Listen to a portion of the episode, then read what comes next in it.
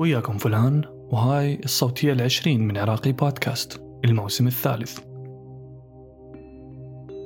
أكو فد حكمة قديمة كلش معروفة عند سكان أمريكا الأصليين اللي هم النيتيف أمريكان اللي هم أكو ناس تسميهم الهنود الحمر وكانوا يتناقلوها بيناتهم عبر الأجيال. وطبعا ما نقدر نعرف أصلها أو كم عمرها لأسباب معروفة ما نحتاج نتطرق لها. بس نقدر نقول إنها تنطبق على أي وقت وأي إنسان. الحكمة هاي تقول إنه الإنسان أكو بداخله ذيبين أو ذئبين وهذين الذئبين دائما بصراع واثنينهم لهم فرصة يفوزون وبأوقات مختلفة بحياتنا. زين شنو مواصفات هذين الذئبين؟ أو شنو يمثلون؟ نقدر نقول الذئب الأول أو الذيب الأول هو يمثل الظلام. هذا الذيب دائما متعطش للأذية والحسد والجشع والتنمر ولأخذ الأمور بالسلطة والقوة وهذا الذيب يعوي ويهجم على أي شخص يمر من قدامه. مو مهم الموقف ومو مهم شو وقت وليش. أسهل شيء هو أنك تخلي هذا الذيب يغضب ويتعارك ويهجم. أما الذيب الثاني هو ذيب النور اللي دائما يقدم الحب والرحمة والتواضع ويبدي الخير على الإساءة. وبنفس الوقت يختار الوقت المناسب والسبب المناسب حتى يهجم ويدافع عن نفسه. صعب كلش إنك تخليه يغضب أو يهجم أو يتنرفز وراح تلقي هذا الذيب يريد يستمتع بالحياة ودائما يسعى للوحدة والتواضع. وطبعا واضح هاي الذئاب شنو تمثل. الذيب الأول يمثل السواد والظلام والتسرع اللي بداخلك والذيب الثاني يمثل الحكمة والفهم والطيبة اللي بداخلك. والسؤال الجوهري بهاي القصة أو الحكمة. منو بيهم راح يفوز؟ الجواب بكل بساطة اللي راح يفوز هو الذيب اللي راح توكله وتهتم به.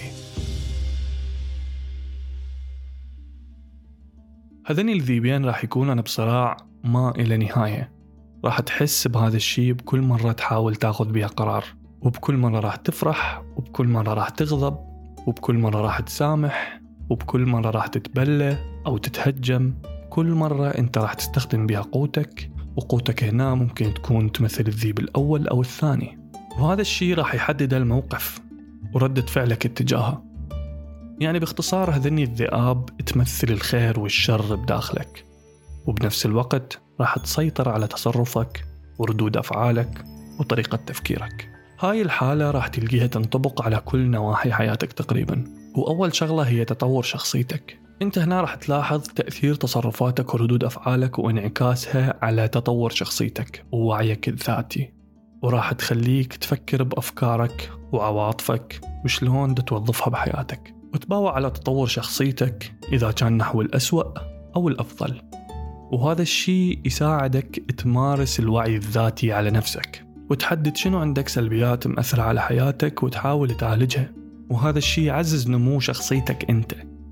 أنا هنا بعدني ما دا أحكي على شلون الناس دا تشوفك وإنما دا أحكي عن شلون أنت دا تشوف نفسك. هل أنت شايف نفسك شخص زين أو مو زين؟ هل أنت إنسان عصبي؟ هل أنت إنسان ضعيف؟ هل أنت إنسان همجي؟ هل أنت إنسان متفهم متقبل لنفسك وللناس؟ هذا كله يساعدك تنمي شخصيتك وتطورها ويخليك تشوف أنت مهتم بأي ذيب. وأي ذيب أنت مهمل وياه. وهذا الشيء يأخذنا لثاني شغلة راح تفيدك بها هاي الحكمة وهي ذكائك العاطفي. وشلون تعلم نفسك شلون تدير عواطفك. من خلال إنك توكل الذيب الثاني بأنك تعرف شلون تتجاوب ويا المواقف.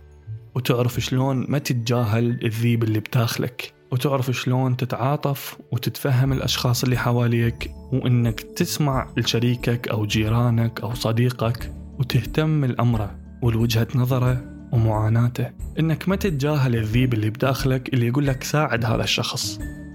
أو على الأقل افهم شنو يريد يقول لك بدون ما تخلي الذيب الأول يسد عينك عنها. واللي ممكن يخليك تقول زين هسه منو مهتم أو هسه شو أسوي لك؟ أو طبك مرض أو دوختني. أو حتى تتعارك ويا هذا الشخص. أو أنك تزيد من معاناة هذا الشخص بشكل من الأشكال. وهذا الشيء يتحول تأثيره لعلاقتك بهذا الشخص أو علاقتك بشكل عام ويا الناس. إنك تتواصل ويا الشخص المقابل إذا كان أكو بينكم مشكلة أو نزاع وتحاول تحل هاي الأمور.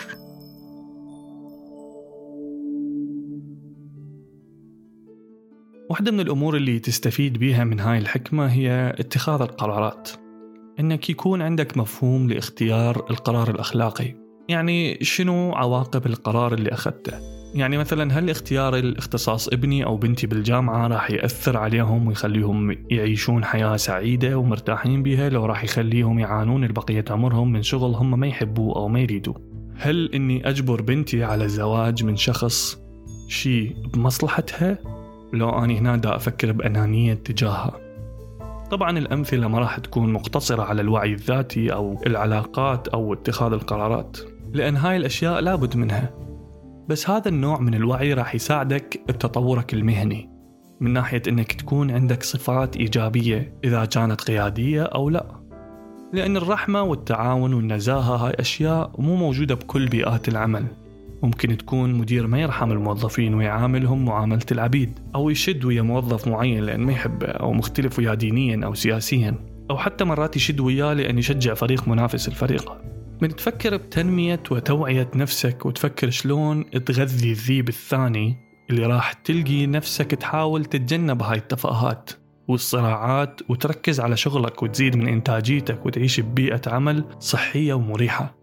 وطبعا إذا كنت أنت شخص عندك وعي ذاتي وعندك معرفة بالتعامل ويا العالم اللي حواليك وتعيش ببيئة عملية صحية وبيئة منزلية صحية راح تلقي روحك بمجتمع صحي. راح تلقي نفسك بنية مجتمع صحي حواليك. وهذا الشيء إذا تعمم على كل الناس وكلنا فكرنا بهاي الطريقة راح نقدر نتخذ قرارات جماعية مناسبة. راح تلقي عدالة اجتماعية وبيئة مناسبة تعبر بيها عن رأيك. والناس تحترمه وتقدره. وحتى من تعترض عليه فراح يكون لمصلحة الجماعة.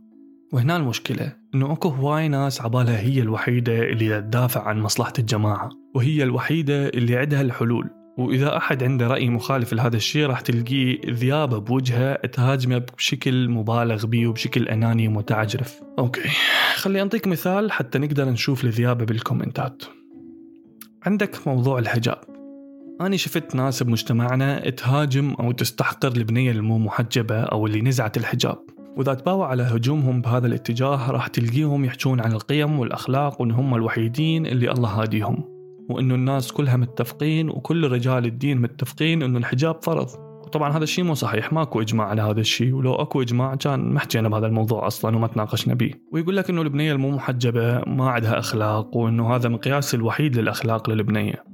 وإنه المجتمع راح يخرب إذا شفنا شعرها بس لنفرض إنه أكو إجماع على الحجاب إنه هو فرض مثل ما تدعون هل الصلاة بدينك فرض؟ إي هل كل الناس تصلي؟ لا هل الزكاة فرض؟ إي هل الناس كلها تزكي؟ لا زين منو اللي راح يحاسب هذول الأشخاص؟ أنت أني الحكومة كل شخص مسؤول عن الجانب الديني بحياته مو أنت مو أني مو الحكومة هذا الشيء بدنا نشوفه بمعظم دول العالم وبدنا نشوفه بدولنا العربية من ناحية الفروض الدينية المتنوعة. إيش معنى الحجاب اللي الناس مكلبة بيه باختصار لأن أكو ناس عبالها هم أحسن من غيرهم وما يباوعون على هاي الأمور بطريقة شخصية وإنها مسألة شخصية مو من حقنا نتدخل بيها. من كل واحد بينا ينطي الناس حريتهم الشخصية باختياراتهم وبالطريقة اللي عايشين بيها راح نعيش بمجتمع يحترم الكل.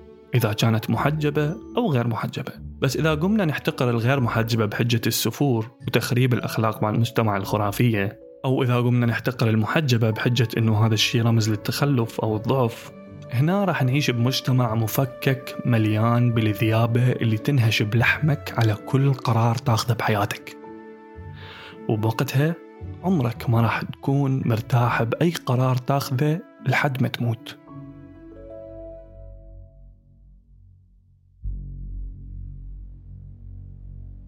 طبعا موضوع الذئاب اللي تتصارع بداخلنا تأثيره هواي منها الصحة العقلية ومعالجة الإدمان وموضوع الأمومة والأبوة مثل إنك تعلم ابنك يبوق وهذا الشيء موجود بشكل غريب. يعني تلقي الأب من يشوف ابنه يبوق من محل أو من صديق تلقيه عادي بالعكس يقوم يضحك ويشجع هذا الفعل. أو اللي يعلم ابنه البخل أو العصبية.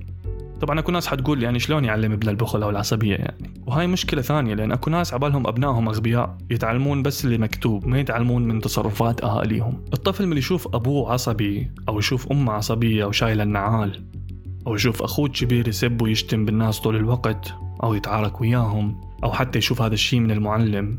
هذا كله يبني شخصية تغذي الذيب السيء بداخله وتدفن الذيب الزين. طبعا هذا الشيء ينطبق مو بس على الأخلاق وإنما ينطبق على نواحي هواية من الحياة.